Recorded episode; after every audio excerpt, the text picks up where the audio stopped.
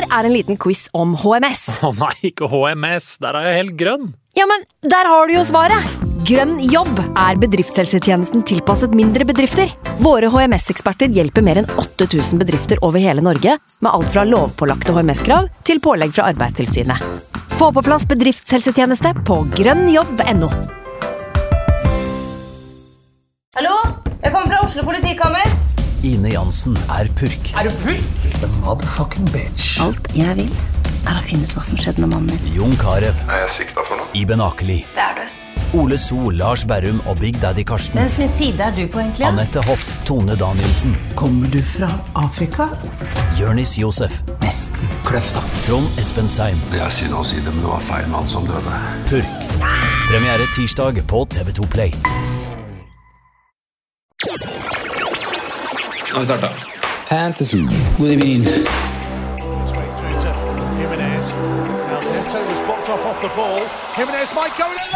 God evening.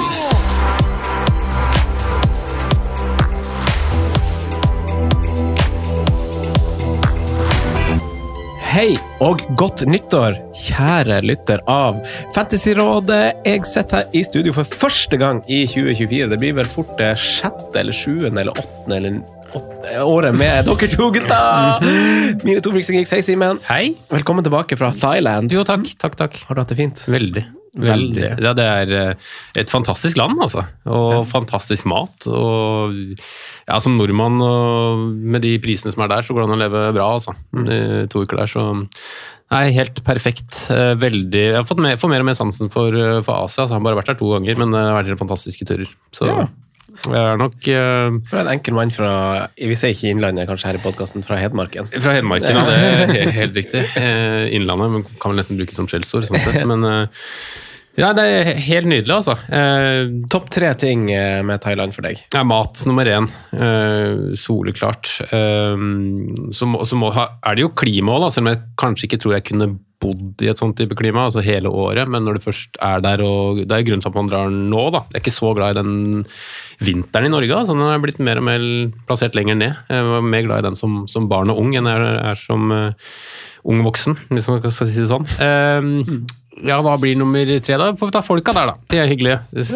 Veldig servicevennlige og hyggelige og ja, ålreite. Ja, men Så bra. Sondre, Sondre, du også har vært på, på sydlige strøk. Er det under ekvator eh, å være på Granca? Oi, Nei, kanskje ikke. det er det vel rett ikke, nei. over? kanskje? Ja, ligger på grensa, kanskje. Ja, Det her det er burde sånn på. Vest-Sahara, der er det mysteriske, mysteriske landet på innsida. Ja, Ja, for det ligger sånn, egentlig vet ligger ikke det liksom cirka ved Marokko? Litt, la, la, Litt lavere enn Marokko, Og hva, hva er liksom det landet der som er liksom med sånn Mauritania og Marokko? Sånn som på en måte Det er liksom bare ørken og liksom strid og krig i. Er Ja. det Vest-Sahara står det på kartet? Jeg Ja, det, jeg, jeg har ikke peiling. Nei, Spør Einar. jeg spør jeg får gjøre det. Men ja, jeg har vært på, på den øya der, da. Så litt annen type Topp tre Granca. Topp tre Granca. Paraplydrinker, eh, Aperol Spritz og fribar. Neida, men det er jo en helt annen type ferie enn det du har vært på, Simen. Men eh, formålsmessig så var det det å komme seg bort og få varme og få fri. Det fikk du. Så det fikk vi absolutt. Det var veldig, veldig deilig. Veldig bra. Mm. Fikk sett mye fotball òg, faktisk. i jula. Det hadde jeg jo ikke gjort hvis jeg hadde vært hjemme, for det hadde jo vært familieselskaper og de Vi fikk får sett mer, Ja, kanskje? vi gjorde faktisk det, altså. Ja. Så det var en uh, fin opplevelse, det med solstol og mobil, og ligge og se matcher der. På norske granker. På norske grenser. Eller tysk- tysk-norske, kan man kalle det. Mye tyskere enn nye nordmenn. Ja, det er kanskje det. Uh, Det er jo veldig deilig å være i gang med 2024, og vi har brukt uh, selvfølgelig en del av tida på å planlegge året. Og vi skal jo kickstarte egentlig året, Simen, med noe som, eh, som avslutta, kan vi si, året også. Veldig bra. Ja, ja. Vi hadde en live på skal vi kalle det vinteren, tidlig vinter. Nå kommer det en tidlig på, på nyåret. 30. januar så prøver vi på, på nytt. Eh, Det er en tirsdag. Eh, Vi kommer til å ha en eh, live podkast tre kvarter, halvtime før fristen går ut. Så det blir vel sånn i kvart over seks-seks-draget. Eh, Og så er det litt færre kamper enn det vi annonserte sist, men det er fortsatt fem knallgode matcher den, den tirsdagen. Få på masse skåringer. Eh, Vi kjører en quiz eh, i ventetida mellom eh, kampene og og podden, så det blir liksom en helaften igjen. da, Og det var jo en braksuksess med tanke på folk sist, så vi har faktisk flytta det Det er det samme lokale, men vi har flyttet det opp i andre etasje. Der er det enda mer plass, enda mer border. Eh, nok av skjermer og godsaker. Så mm, vi skal bygge på alt vi, som er bra med første liven, og så skal vi sette den elegante prikken over i-en og få til en helt fantastisk aften. Så jeg håper veldig mange kommer, og så kommer til å si- si- Fortell oss hvem du er, hvor ofte du har lytta på oss, og ta, slå av en prat. Det var veldig hyggelig å få fjes på, på noen vi bare har sett på Twitter og lignende foraer tidligere. Absolutt. Det er noe av det hyggeligste med de livene. Yep. Man får, eh, får hilst på, på lyttere og litt sånn personlig eh, Ja, med folk du har sperra med på Twitter og Ja, så- føler du har kjent i flere år nå, som du egentlig aldri har møtt. Så Og den livepodkasten blir jo ikke på en måte en sånn, det blir ikke en vanlig sending som vi kjører på mandager. Den, hvis folk har eh, spørsmål, ja. drøftinger, det, det de lurer på, så, så gi oss en pekepinn om du enten har et rent dilemma, eller bare vil, kan du ikke bare prate om spissen i det sjiktet, så, så gjør vi det. Ja. Vi tar det som folk har lyst til å høre på. Så vet jeg ikke om du nevnte det, Simen, men det er på The Wild Rover i, Det glemte jeg kanskje. i, midt i Oslo, midt i Karl Johan. Ganske nære ja, Oslo S og Jernbanetorget, og veldig enkelt å komme seg til. for Prima som kommer- Ja, Da kommer uh, siste info om det, som er kanskje vesentlig, fordi at uh, vi, det, vi er jo veldig sånn overraska over hvor populært det ble forrige gang. Det er gratis, det kom eh, veldig masse folk, og folk som ikke hadde reservert i forkant, fikk jo ikke plass. Og ble liksom henvist til steder i lokalet hvor det ikke var så kult å sitte. Nå skal vi riktignok flytte opp, det er flere bordplasser, men du kan fortsatt reservere bord til eh, deg og ditt quizlag eh, hvis du vil, og det anbefales jo i aller høyeste grad at du gjør. Det er gratis å bare reservere bord med mat der, eh, god burger, så du kan komme liksom tidlig og, og chille litt hvis du vil. Eh, da kan du sende mail til eh, Christian, CH Christian, Christian at thewildrover.no. Eh, dette legger vi ut på, på Facebook, Twitter, Instagram, der det måtte være. Så hvis du liksom ikke skjønte mailen da jeg leste den så, så kan du få den i copy-paste-format og, og bruke det. Eh, men bok kjapt 30.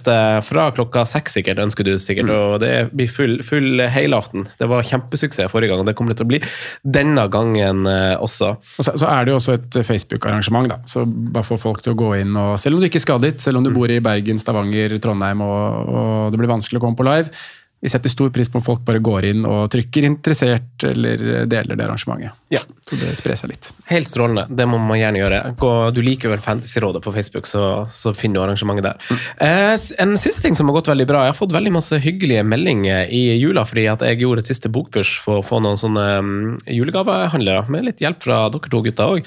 Eh, det har gått veldig bra. Fikk bilder tilsendt fra folk som var på Granka, fra folk som var på fly, fra folk som så på Chelsea-kamp, fra folk som hadde gitt til kjæresten sin. Hadde med seg boka på selskap? Ja, på flyturen da, sikkert. Kanskje ikke på kampen. Det var um, Det er så kjedelig på Chelsea-kamp om dagen at du bare drar fram fancy-reglene og tar et kapittel. Ja, sant. Det, det kan jeg jo skjønne, egentlig. Det, jo, det har jo ikke bare vært eh, solskinn på den blå delen av London der. Men uansett, jeg ville bare takke egentlig alle som hadde kjøpt den i jula, til enten seg sjøl eller i gave som, eh, som banter, eller av kjærlighet til en venn eller far eller mor, eller Superhyggelig at du har kjøpt fancy vettreglene, enten hos meg med signert utgave på, på Instagram, som du fortsatt kan gjøre, eller på Nordli, som jeg setter en eh, stor pris på egentlig har backa boka. Så hvis dere ønsker å kjøpe den, så håper jeg dere gjør det nå, fordi nå teller liksom sånne kjeder opp liksom litt tall og vurderer ting litt til og fra. Har dette gått bra, har det ikke det? Så hvis du ikke har kjøpt eller vurderer å kjøpe til noen, så kan du jo kjøpe nå som vi starter et eliteseriepush her eh, på Nordli, så kan de vurdere om det her har vært en suksess eller ikke. Så blir jeg superglad. Skal jeg få sende dere et eh, hjerte og en klem i eh, digitalt format. Eh, Veldig bra! Veldig bra. Og vi har hatt jævlig aktiv jul for dem som har fulgt oss det. på det, Sondre. Eh, så nå skal vi være aktive her òg, men vi er aktive mange plasser. Vi er aktive mange plasser, og den aktive jula du sikter til, har jo vært på, på Patreon. Vi har spilt inn eh, episoder der mellom eh, hver eneste runde. Og for de som har vært Patreon, så håper jeg absolutt de har fått noe igjen for det. Eh, jeg har fått mye igjen for å, for å være aktiv gjennom jula, og merka det at i en periode hvor folk kanskje glemmer litt frister, kanskje detter litt av det kjøret som har vært, så har vi eh, Freaks and Geeks inne på, på Patrion-forumet vårt klart å holde oss eh, stødig i gang. Så mm, det skal vi fortsette med. Vi kommer eh, gjennom hele våren og inn mot sommeren til å gi ut ukentlige ekstrapodkaster på Patrion. De spilles inn torsdag kveld, fredag formiddag, litt avhengig av når det er deadline. Um, gå inn på Patrion, sjekk pakkene våre der. I tillegg til ekstra episoder hver uke, så får man også muligheten til å være med i et Slack-forum, hvor det er masse interaksjon uh, 24-7, holdt jeg på å si. Det er folk som uh, deler og prater fantasy hele døgnet. Um, og vi har også en Clubhouse deadline-sending, hvor eh, vi er med, men hvor også veldig mange andre er med og prater inn mot frist. Drar opp siste dilemmaer, drar opp kapteinsdiskusjon. Sånne type ting. Så det har uh, vært veldig fruktbart gjennom jula, og vært en stødig greie vi har gjort nå i, i flere sesonger. Så hvis ikke du er Patrion, men er nysgjerrig på det, så gå inn på patrion.com slash fantasyradet og les på, på, pakkene våre. Vi tilbyr jo litt ulikt innhold i de ulike pakkene, men kikk på det og se hva som du tror uh, passer for deg. Mm. Veldig bra. Vi har uh, lagt bak oss mange runder i uh, jula, og nå er den uh, vinterpausen snart ferdig. Det er spilt litt cup. Det kommer til å spille, spille en rolle for videre Gameweeks. Vi skal selvfølgelig snakke litt om våren og hvordan vi angriper den med chips, hvordan rundene faktisk blir. ikke minst de sylteagurkene vi nå har fått i form av at de har reist av gårde og skapt, -hmm. skapt oss problemer, som jo vi har vært forberedt på. Spesielt som du refererer til, Sondre, om du har vært med oss gjennom jula, så har du kanskje vært med på den planleggingen. Ja, men vi har cruisa på grønne piler i jula, vi altså. og Uh, Den ble ikke så, så grønn som jeg håpa på den siste runden. her. Jeg hadde liksom jeg hadde to av tre eh, riktige. Eh, veldig mange som var der ute, fikk jo en god keeper-return. Eh, det var det jeg mangla for å ha en veldig veldig god runde. Fikk en grønn pil på overall med mine 84 poeng. Tok ut en skada Mikas, satt på Gusto, som fikk null. Det var ikke så bra. Eh, men jeg hadde Palmer på, på, laget. Jeg hadde også Sala som kaptein, selvfølgelig hadde jeg det. Eh, Sonva er med på laget, Watkins er der, stødig as ever. Mm. -hmm. men hadde som sagt ikke verken eh, Dubravka eller Areola i mål, som, eh, som noen hadde. Eh, jeg hadde Bowen, som jo blenka. vi skal snakke mer om mine utfordringer og problemer videre, men nå ligger jeg på 650 000, så det er jo ja.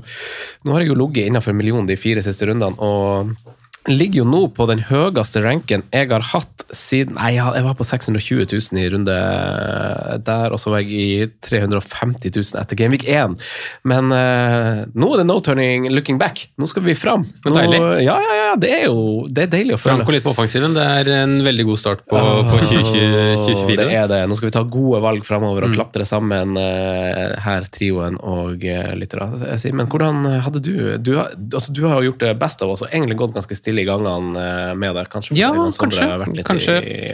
Ha, har blitt mindre sånn Eller mindre vi, vi sleng, har jo aldri på en måte slengt så mye til hverandre, selv om det ligger jo en sånn derre Hva skal jeg si, ja, litt sånn eh, taus ære av å liksom være best. da.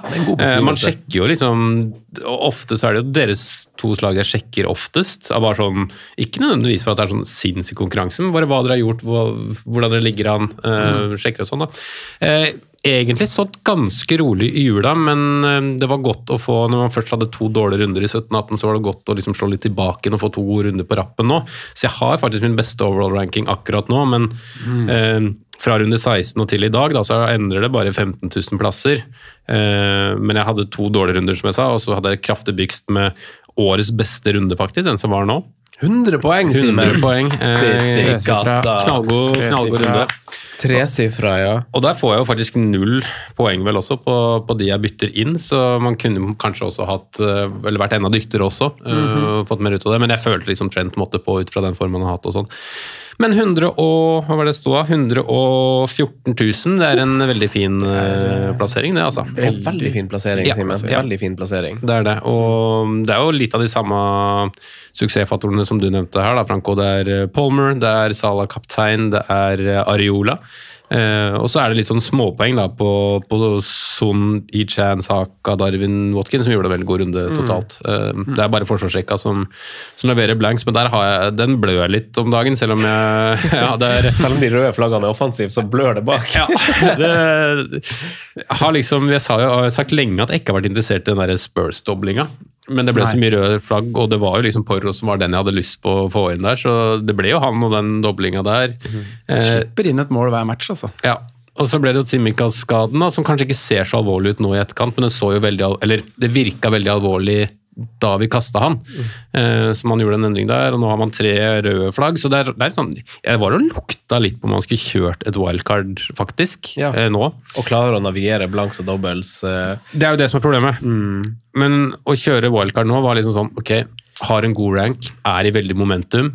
Eh, bare få bort disse Asia-folka, sette et lag nå. For det er en del spillere, syns jeg, på en del lag som er interessante akkurat nå. Altså Som man ikke har liksom egentlig kunne enset en tanke tidligere. altså SC og Olysée i Crystal Palace, eksempel. Du har tweeta litt om Olysée. Jeg er veldig med deg på den, eh, Mm. Eh, samtidig som man kanskje ikke stokka litt om på de man har også. Eh, det laget jeg har nå, så, så er det liksom Cash er i elver, Porro er i benk, elver, Doji er i elver, Brentwaite er i elver, Solanke er i elver. Det er liksom det er ikke den fineste runden, altså. Eh, og det, er, det blir jo antageligvis en minus fire her, men det laget mitt blir ikke prima til denne runden her. Så jeg vurderte litt, men jeg syns det er for vanskelig å Eller skulle veldig gjerne ha Eller jeg trenger jo det wildcardet senere i sesongen, det, jeg vet jo det. Så handler det om å prøve å være litt iskald, da. Grinde ut de poengene man, man har. Jeg syns podkasten deres med godeste Tore. før jul var veldig fin. Eh, ganske motsatt tilnærming til det jeg har i fantasy. Så det var litt synd jeg ikke var med og kunne var på, på den episoden, faktisk. ja. Men, Tore skal komme tilbake. Ja. men det er en del poenger som han drar fram som er veldig gode. Da. Og han er nok en av de mest eh, eh, analytiske til verks i forhold til det at du skal ha 90 minutters men Mm. bang on på spilletid og sånne ting. Så det har jeg faktisk tatt med meg i forhold til eh, når jeg skal gjøre bytter nå. For nå vil jeg ikke ta så mye risiko når man allerede har en litt sånn tynn tropp, man skal veksle ut mye spillere og sånn. Så jeg har laget en liste i forhold til da midtbanespillere som jeg uh, ser på akkurat nå. da. Uh, fordi nå skal jo både Son og Salah skal nok ut før fristen.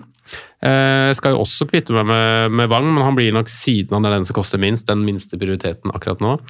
Eh, Øverst på lista er uten tvil hvem som står, det er Jared Bowen for min del. Jeg har, jeg har han ikke. Eh, Der fikk vi jo en skade nå, så den må han følge med utover uka. Så jeg er jo glad jeg har holdt byttene. Det er et argument for det også. Og så har jeg en liste liksom med da av de jeg føler meg relativt trygge på kommer til å spille 90 det meste. Der, der ligger Ødegaard, der ligger eh, Kulusevski. Ser han litt den i forhold til Timo Werner som skal inn, men jeg tror egentlig han er ganske nailed on på 90. Han har spilt mye 90 i det siste. Der er det bare litt for lite målpoeng, egentlig. Eh, litt i samme kategori er Pascal Gross, men han er jo involvert i alt som skjer i, i Brighton. Han er god, altså. Han eh, består en slags synsundersøkelse, syns jeg. Han var veldig god i forrige Han har vært god i mange år, altså. Ja, han har jo det. Så- som, eh, men så har han bare hatt eh, mer eksplosive spillere rundt seg tidvis i Brighton. Så. Ja, og der er jo ekstremt mange ute nå, da. I forhold til at Mitoma og Adingra er i Afrikamesterskapet. Ansu Fati er skada. Eh, Solly March er jo ute for sesongen, tror jeg. Um, så det er mange mann som er ute der også. Der, altså, hvis man skulle gått over til spisser, da, så ville jeg jo sett på faktisk på Joao Pedro en periode nå. Faktisk. Men det går kanskje imot argumentet med 90-minuttersmenn. da. Eh, Anthony Gordon, og så er en SE og Olysée da, som blir også på den lista der. Og så er det sånn, litt sånn usikre kort da, som man egentlig kanskje har mer lyst på. Men der, der er jo liksom gutta som Phil Foden og Diogo Jota, den gjengen der, da. Det her må vi snakke masse om. Det er veldig masse Dette er hovedtemaet vårt i dag, Ja, det, det? det er jo det. Snakke Vil du også snakke om din runde? Jeg kan godt gjøre det. Jeg kan godt eh, ta min, eh, min runde, fordi jeg, jeg følger meg på en måte på Du gikk forbi meg, eller noe? St- Den gode stimen vi er i. Jeg gikk forbi deg, Franco. Jeg Ja. faktisk det. Um, 99 poeng hadde jeg nå i runde 20. Oi, Så jeg det er jo nesten klappverdig, det òg. Ja, men nesten. Det er litt bitter, bitter poengsum, fordi du, du er så nære. Uh, Var det noen her som fikk et gult kort eller et eller annet? Ja, Trent fikk vel gult. Trent fikk gult. Trent, you can't. Gabriel uh, fikk vel Fikk han gult kort òg, ja, eller? slapp inn mål som Han vanlig. slapp inn to mål, han stemmer det. ja sånn det var. Eh, nei, men det har vært en bra jul her også. Uh, jeg så det nå at jeg har uh, På de siste seks rundene så har jeg fem grønne og én rød. Den, den ene røde kom jo i Genvik 18, som var en ganske tung runde for min del. Da lå jeg 1,1 overall og klarte ikke det å komme meg innafor 1 million til jul, som på en måte var det store, store målet. Så har det vært to gode runder nå da, i, i Genvik 19 og, og Genvik, eh, 20. Um, og det er jo mye av det samme som dere drar opp her. Jeg fikk jo den Areola-returnen på, på mandagen der, Franco. Eh, Hishan og Gordon plukker småsummer, og, og Gordon holder mitt. For jeg, jeg gjorde ikke noe bytter inn i runde 20, jeg valgte å holde Gordon, og det var jo på en måte en sånn litt ref det du drar opp her med Tore sin mentalitet og Gode spillere som spiller 90 minutter, er det ikke noe poeng å bytte ut. For jeg var veldig nære å gjøre Gordon til Bowen for Ja. Eh, og, og bruke et bytte på det, da, istedenfor å spare opp. Eh, Så nå sitter du med to bytter. sitter jeg med to bytter. Så karrer Bo Gordon til seg en assist da, på Anfield, eh, som på en måte er en Det er bra betalt for den prisen han er, og man hadde kanskje ikke regna med det på, på den kamparenaen. Men eh, ja, gode spillere kan få poeng overalt. 90 minutters menn, eh, ikke bytte ut med mindre du må. er på en måte Konklusjonen på det. Eh, Salah kaptein eh, var jo vurdert opp mot Alvarez, selvfølgelig. Hadde jo han inne, men var ganske klar på at det skulle gå Salah. Det snakka vi mye om på Patrion-episoden vår inn i den runden, Franco. Eh, Så er det Palmer, Son, Watkins eh, som, som gjør eh, jobben med småsummer. Da. Palmer er ikke småsum for så vidt, det er en 18-poenger som var på en del benker rundt omkring. eh, Som jeg fikk, fikk nyte godt av. Men eh, Son, Salah, Hichan, Kabore har reist. Så er også fire mann som har stikket til Afrikamesterskapet. Har en eh, timannstropp som spiller nå. Det inkluderer da Archer, det inkluderer Trippier og Gordon mot Manchester City. Det er kanskje greit. Eh, gleder meg til å snakke midtbanespillere og erstattere for, eh, for de som har eh, reist av gårde på mesterskap. Hopper i det. Hopper i det.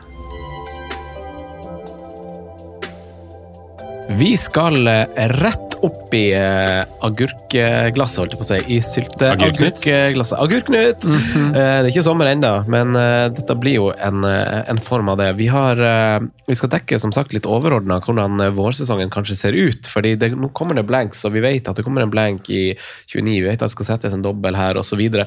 Eh, så Så det er litt sånn, men vi har eh, sylteagurkgutta, og denne gangen så er det mesterskapsgutta som er sylteagurkgutta. Eh, for mitt vedkommende så er det jo Sala, Son, Caboret og Semenyo. Eh, Veldig mye jeg må tenke på, føler jeg. Fordi eh, jeg har liksom fire flagger der, og så har jeg Bowen som er gul. Jeg tipper de jobber for å gjøre han klar.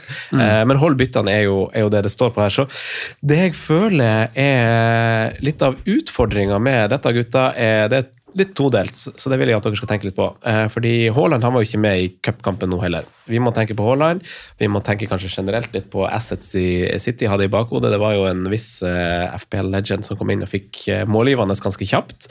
Eh, altså Vi må tenke på midler til eventuelt Haaland, og så må vi tenke litt på, på dynamikken i, i laget vårt og hvordan vi bruker disse midlene med de byttene vi spiller ut. Fordi jeg står foreløpig i en 3-5-2. Eh, Semenyo er min billigspiss. Skal jeg ta ut han som ikke spiller, og plutselig ende opp sånn som du kanskje gjorde, Sondre, som du ikke følte var en sånn veldig sånn stor akilleshæl, men når du plutselig får eh, fem midtbanespillere, og du har lyst til å bruke og tre spisser du ønsker å bruke, så har du kanskje på sikt et slags problem. Eh, så hvordan vi bruker de byttene, hvordan bytter vi ut riktige spillere, hvor henter vi midler, hvordan skal vi få plass, hva, hva er din tentative plan? at vi kan starte med deg. Sondre, jeg og Simen snakka så mye innledningsvis her. Hva er, Eh, ja, jo, det- du har, du har masse røde flagg, og du for likt betaletid totalt sett. Men du var, du var, du var lansert men bare legge flagg. til en ting til som er spesielt nå. Du drar jo opp mye her, Franco, men en annen ting med den runden vi går inn i nå, som er verdt å, verdt å ha i bakhodet når man skal gjøre bytter. Én ting er at deadline er flytta, for de som ikke har fått med seg det. Eh, Burnley Luton skulle egentlig vært spilt på mandag. Den er flytta til fredag fordi Luton snubla vel litt, kan man si, mot, eh, mot Bolten i går. Eh, Det betyr at vi har fredagsdeadline. Viktig å få med seg. En annen ting er jo at Gameweek 21 nå, den skal spilles over to uker. Eh, Vi har frist fredag 12. januar. Da er det én kamp. Lørdag er det to kamper. Søndag er det to kamper, og så går det en hel uke før runden spilles ferdig på, på lørdag 20. januar og søndag 21. januar. Arsenal, Palace, Liverpool, Westham, Ødegaard, Bowen, eh, Pascal Gross, Brighton. Alle disse spillerne som vi har nevnt allerede, som er potensielle erstattere eh, for Son Salah, de spiller ikke før om to uker. de. Riktig. Så de kan potensielt bli bytta inn nå 12. januar, og har da en hel treningsuke foran seg hvor det kan skje ting, med, med skader på trening, sånne type ting. Hvor mye skal man legge i det aspektet der, når man hører nå bytter inn i Gamevik 21? Jeg mener jo at det, Vi skal snakke kaptein senere, og sånne ting, men det er jo helt klart noe man må, må ha med i beregninga, også det, inn i en litt rar og annerledes runde Gamevik 21. Mm. Vi, får, vi får se hva, om vi får noe konkret på f.eks. hvis du tar Jer Jerry Bowen som eksempel. Du får jo ikke pressekonferansen hans før deadline. Nei, men i, i tillegg uke, må, måte. Vi får vel noe nyss om det er nok, eller om det er uh, alt fint, eller om det på en måte er noe potensielt som vare, vare lenger. Men han har 13 dager på å bli frisk, så Ja. med mindre det er alvorlig, så er jeg enig med Franco. Jeg tror de kommer til å stable han på, på beina. Ja, det er jo på en måte liksom hvis, Bortsett fra infoen man, man ikke får, så er det jo bra at det, han spiller den siste helga. Mm. Det den her sånn altså, positivt, ja. fordi det er jo, altså Som du sier, så er jo Burnley Luton den er jo flytta fram til, til 12., og så er siste kampen 22. denne Mm. runden. Så det er en gameweek som varer over, over ti dager. Så at, eh, at eh, Bowen spiller den nest siste dagen, det, det tror jeg liksom er godt nytt for han. Men for de andre lagene og spillere vi vurderer å sette på eh, Det er kanskje verre for dere som ikke eier Bowen og vurderer å Ja, sette for på. jeg- Han, jeg har jo hatt den, så jeg, jeg Du blir jo. Jeg blir jo. Ja. Bowen har jo vært min uh, Hvis vi skal begynne å snakke erstattere for Salason og bare ta det før vi snakker om hva vi egentlig vil gjøre med de, mm. så har jo Bowen vært den som har vært nummer én på lista hos meg. På en spiller som jeg tenker at det er veldig naturlig å, å få inn for, for Sala, som også henter midler, som gjør at Haaland kan komme enklere inn i laget og alle de tingene der. Han er 90-minuttersmann, han har uh, hatt en veldig stødig leveranse gjennom sesongen. Um, men jeg blir jo med ett veldig usikker på å bytte han inn nå. Eh, fredag 12. Han spiller søndag 21. Som Jeg er helt enig med dere at det er jo, det er jo eh, positivt det, at det er lang tid til kampen. Men du vil ikke bytte på en spiller som er flagga gul når du ikke har fått noen nyheter om han er klar. Så for oss uten så, så var det nesten litt sånn ja. Det, var, det, var ikke en, eh, det var ikke en fordel for oss at han fikk den knocken i går. Og, og det samme gjelder jo også å bytte inn spillere som, som Ødegaard, eh, som Pascal Gross, fordi det er så lang tid til kamp, og noe kan skje, da. Ja, I tillegg så er det jo sånn det hadde vært bedre altså, Helt kynisk da, så hadde det vært bedre at det var en skade som var, liksom, gjorde at han nei, han er ikke klar til denne runden her, for da slipper man å ta stilling til det. Men jeg er enig med deg, han er såpass soleklar liksom, valg nummer én, eller erstatter nummer én, at det er liksom bare åh, hvorfor skape den usikkerheten her? Det er skikkelig irriterende. Kjedelig, ja. Så, mm, ja, men man får jo bare følge med. Jeg har ikke sett klippet ennå. Jeg bare skjønt at han lå nede sånn de siste 30 sekundene eller et eller annet sånt fra, fra matchen. At det liksom ikke skjedde noe etter det. men ble blåst av. Så man får bare følge med på leaks, man får se klippet hvordan han ble skada, ta en vurdering om hvor alvorlig det er, sende noen meldinger til noen fysiokamerater. Eh, Følg med litt på? Instagram. Se, se på det liksom. klippet her. Hva tenker du? Det, er det er bare å følge litt med i, med i timen, egentlig. Men ja. hva, hva tenker dere da om, eh, om eh, å bytte ut? Er det Ja. eh, for, for å stille det spørsmålet, da. Vi som er Son og Sala-eiere, ser dere eh, en mulighet for å spare en av de? For å holde på en av de eh, til de eventuelt er tilbake. Vi vet jo ikke hvordan det går i mesterskapet. De kan jo komme tilbake litt tidligere enn antatt. Selv om vi ikke tror det. Begge har fått fordelaktige grupper, akkurat de to. Ja, eh, begge er jo også Men, mesterskapsfavoritter, kan man vel på en måte det. si. Ja. Om de ikke er soleklare, så blant de. Men det er jo masse verdi her. Altså, ja. Hvis jeg selger begge to, Son og Sala, og ser for meg at jeg skal kjøpe dem tilbake igjen, så er det på en måte en kostnad på sikkert 05-06 millioner. Eh, fordi jeg ser jo f.eks. Sala, han koster jo 13,2 nå. Jeg selger han for 12,7 eller noe sånt. Et eller annet, så har jeg jo hatt han ganske lenge. Eh, så hva, hva tenker dere om, eh, om det? Jeg har eh, personlig ikke lokka den døra helt. eh, Men samtidig så, så føler jeg jo Nå får vi se litt da med Haaland og hvordan det utspiller seg. Men så lenge han ikke er en, eh, en spiller som man er avhengig av å få på Nå, nå virker det jo som den Newcastle-kampen kanskje kan være en kamp hvor vi står av Haaland. Og da haster det på en måte ikke å hente de midlene heller. Nei. Og noen klarer til og med å få på Haaland uten å kaste Salah sånn. Ehm, så så jeg, har, jeg har tenkt på det. Eh, jeg syns at det blir for mye å spare begge to. Ja. Eh, det er for mye midler å, å sette på benken. Men, men en av de helt klart, og da kanskje aller helst Salah, for det er han som jeg ser for meg blir vanskeligst å få tilbake. Fordi hvis du kvitter deg med en, så, så ender det fort i en sånn her loop om at du, du sprer de midlene rundt omkring, og så, så sitter du der plutselig og må ha han på til det som blir da Gameweek eh, 24, hvor, hvor eh, Liverpool møter eh, Burnley hjemme. Ehm, og så har du lengre vei enn det du trodde du kom til å ha. Og så krever det hits, og så krever det om, omstokking her og der. Som, som er en litt sånn suboptimal uh, løsning på det, da. Um, men et aspekt i det uh, kaste Sala eh, og kaste Son for så vidt nå uh, Scenario er jo hva skjer fra Gameweek 24-25 med blank gameweeks med double gameweeks. Eh, og der må man jo bare inn på, på Ben Crellin sin Twitter-konto først som sist og lese de potensielle mulighetene. Det er jo spekulert i eh, Liverpool, og det ble vel bare en, en eh, At de slo ut Arsenal i går, det styrka vel bare den teorien om at det kan komme double gameweek i 25, at det kommer blank gameweek i 26. Eh, Ok. Og, og da, da er man jo i et sånt landskap, hvordan skal man løse det her chipsmessig? Det er jo mange som allerede er på en, en free hit-chip i 25, hvor både City og Liverpool fort kan få dobbeltrunder. eh, hvor du da er kvitt spillerne igjen til, i- til 26, da, fordi Liverpool ikke spiller. Så, så det, det scenarioet der kommer også til å avgjøre litt den Sala inn-greia, tror jeg. Eh, ja. Det, det, det er noe man må se om, om man vil spare Sala. Da, det, man må liksom se det i et litt sånn lengre perspektiv, og hva man ønsker Mm. med han fra det øyeblikket han er tilbake. Ja, det er noe med det. For jeg, jeg merker jo også at jeg har litt sånn lang vei Hvis jeg skal ha Haaland, så er det en ganske lang vei til å få, få Sala tilbake. Men så er det jo Nå virker jo ikke han å være tilbake til førstkommende runde, sånn egentlig. Sånn, jeg kan ikke se for meg at han bare går inn og starter. Nå har han vært ute i over en måned. Eh, skal han liksom bare gå inn og, og starte? City har gjort det kjempebra. Jeg tror ikke de tar noen sånne sjanser. Sånn, så når han ikke er med engang på benken på cupen bare for å få liksom noen minutter i kroppen og sånn, eh, så, så jeg syns det er litt sånn rød lampe-greie. Men jeg ser også, vi får jo den store, for å holde oss litt på, på det med blanks og dobbelt sånn, og, og, og informere lyttere litt om det, så vet vi jo at FA-cupen som nå er i gang for, for fullt, preger jo veldig masse av de blanke og doble som kommer. Eh, vi får den der tradisjonelle store blanken i runde 29. Nå er det jo bare lag som er kommet videre til runde fire, Fire, tror jeg. Ja. Og runde, runde seks er jo den som preger hvem som faktisk blenker i runde 29, for da kolliderer runden med Premier League-runden. De spiller samtidig. Så lagene som har kommet til runde seks, altså kvartfinalene, spiller samtidig som 29. og det er, jo, altså, det er jo noen lag som har røkket ut allerede. Arsenal, Burnley har, har røkket ut, f.eks. Eh, det, er, det er noen lag som har- skal ha omkamp. Everton, Pelles, Westham, Wolverhampton, eh, Nottingham Forest annet. Og så er det noen lag som selvfølgelig er videre, som jo vil øke sannsynligheten for at de blenker i, i 29. Men det her må man jo følge. Eh, det blir jo neste runde da, som vil avgjøre hvem som blenker i, altså neste runde av FA-cupen, som vil avgjøre hvem som blenker i, i runde um, 29. Så det er bare å, å være litt forsiktig med det, for nå skjer det litt ting sånn informativt når de her andre cupene kommer inn, og nye kamper skal plasseres.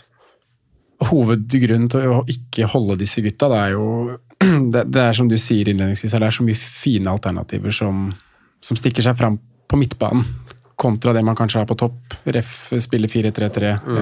Ref eh, du, du vil kanskje bruke de midtbaneplassene nå. Vi skal se på alternativer etterpå. Jeg har en ganske lang liste med meg da, med midtbanespillere som jeg syns er eh, veldig interessante i den perioden vi, vi skal inn i nå. Eh, både som veldig stødige, trygge og ikke noe sånn sjansevalg, men også de som er eh, kan, bruke begrepet nye vinen, da, som kan være noe å komme seg på og være litt i forkant på. Eh, Så der har vi mye, mye mer på midtbanen enn det vi har på topp. På topp så har vi en veldig navn som går igjen i, i Watkins, i Haaland selvfølgelig når han er tilbake, i Solanke som leverer stødig, og så Pedro nevner du. Eh, Tony skal vi kanskje snakke litt om. Mm, Alvarez for noen. Alvarez for noen, men det er, ikke, det er ikke like mange alternativer på topp som det er på, på midtbanen. Så derfor vil jeg egentlig bruke alle fem plassene på, på midten, altså. Selv om det, det ligger an til en 3-4-3 her, og så benke én av Sala, Son, Wang. gjennom Jeg så på, på en hypotetisk plan jeg får gjort med, med to bytter. Jeg får tatt ut to spillere som er i mesterskap, som eh, på dette eksempelet er Sala og Semenyo. Eh, da kan jeg gjøre Semenyo til Haaland. Da har jeg liksom rett i underkant av syv å bruke på midtbane, som jo er fint. Men da får jeg de der, når de er tilbake igjen, så får jeg fem spillende midtbane som er gode, og tre spillende spisser. Hva gjør jeg da? Eller skulle vi bare gjort den til en 4,5? ikke sant? Det, det er litt sånn sånne ting man må tenke litt på. Så vi kan jo egentlig kanskje Det, det blir jo folk sine egne problemer, men vi kan jo snakke litt om de her eh, hotte erstatterne. og det er, jo, det er jo sånn at jeg føler jo at de som har valgt å spare på Haaland nå, f.eks., hvis man skal bruke det som et eksempel, har jo tapt på det. Det er jo et åpenbart handikap å spille med et lag som er verdt eh, 85 millioner, holdt jeg på å si, kontra et som er verdt eh, 100. Og det blir jo litt det samme tilfellet nå. Eh, det er jo poeng vi skal ha, det er ikke penger vi skal sitte med i banken. Så vi må har de tapt på det? Eller sånn, De spillerne som leverer nå, er det de, er, koster de så mye?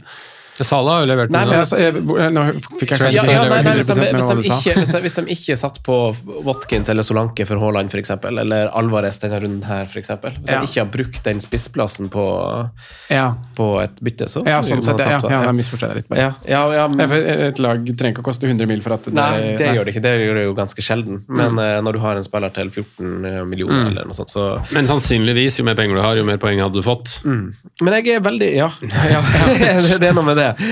Eh, så, men hvis, hvis vi ser litt på, på, på de her hete navnene, og på kanskje de lagene vi kanskje kikker litt til, så, så er det jo noen lag som har spilt seg litt sånn statistisk opp i form. Vi har jo en, en ny trener som gjør det bra i Forrest, og Elanga som gjør det bra på, på papiret. Det er veldig rart, det var ikke et planlagt førstenavn jeg hadde.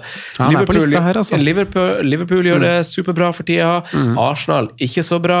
Eh, statistisk gjør de det greit, men ikke resultat. Så det, det er veldig masse å, å legge i et sånt her valg, for det er jo Nå tar man ut spillere som er veldig godt valg, og som har mulighet til å klatre for å tenke litt annerledes. Eller for å, og i hvert fall med usikkerhet rundt Bowen, som kanskje var litt sånn opplyst og vedtatt at dette er den naturlige spilleren du skal få på, så er det litt mer usikkerhet der nå. Det svingte ganske bra i jula, syns jeg. Altså, for uh, jeg- så jo kun Liverpool-kamper sånn at opp, opp om natta og, og fulgte med og sånn, men hver gang de våkna, så var det liksom et overraskende resultat. Det var liksom Westham-Brighton ja, 0-0, ja. ja. Ok, der skal det ikke bli noen skåringer. Og så våkner du til at Westham igjen har slått Arsenal, som var ganske overraskende. Eh, så det er riktig, riktig det du sier. Det er litt eh, hva skal jeg si, ja? Eh, endringer i beite, kanskje. Altså, det, er, det er noen nye lag som er i vinen, det er noen som er i liten formdupp og sånn. Men, men summa summarum så syns jeg jo egentlig at det, det er jo de samme spillerne det er jo, som skårer mål og som er interessante sånn sett. da. Ja. ja, det er jo det. Hvis vi prøver å lage en uh, midtbaneliste her og tenker at vi ikke eier noen. Vi skal til midtbanespillere uavhengig av eh, Eller vi, vi har helt blanke ark. Hvem er liksom topp eh, hm, Topp ti? Ja, ja, hvor, hvor ja altså, så blir det liksom, hva, hva ser man på da? Ser Ja. man da på, på, på um, kampprogrammet? Ser man litt sånn på form? Ser man på statistikk? Det, er, det, er Det blir jo en slags mølje av det. det blir en slags mulig av det. det. Krydra med litt sånn sunn fornuft på tampen. Sunn fornuft og lyst. uh, så vi, vi går jo inn i en, en, en eh, runde 21? Stemmer det? Det er runde 21, ja. ja. sant. Så uh, Arsenal har på papir en fin kamp. Chelsea har på papir en fin kamp. Uh, Og bare for å stoppe, stoppe der, da, så der har du kanskje, hvis ikke du eier Cole Palmer, Ja. så er vel det nummer én på lista av erstattere for Son Salah, Ja. Wang Det som er. Og jeg vil jo egentlig bare bekrefte at det ikke er for seint å komme seg på han hvis man føler at det er et slags tog som har gått. Han koster 5,6 nå. Nå har han liksom statistisk enda bedre tall enn det han hadde i, i høst.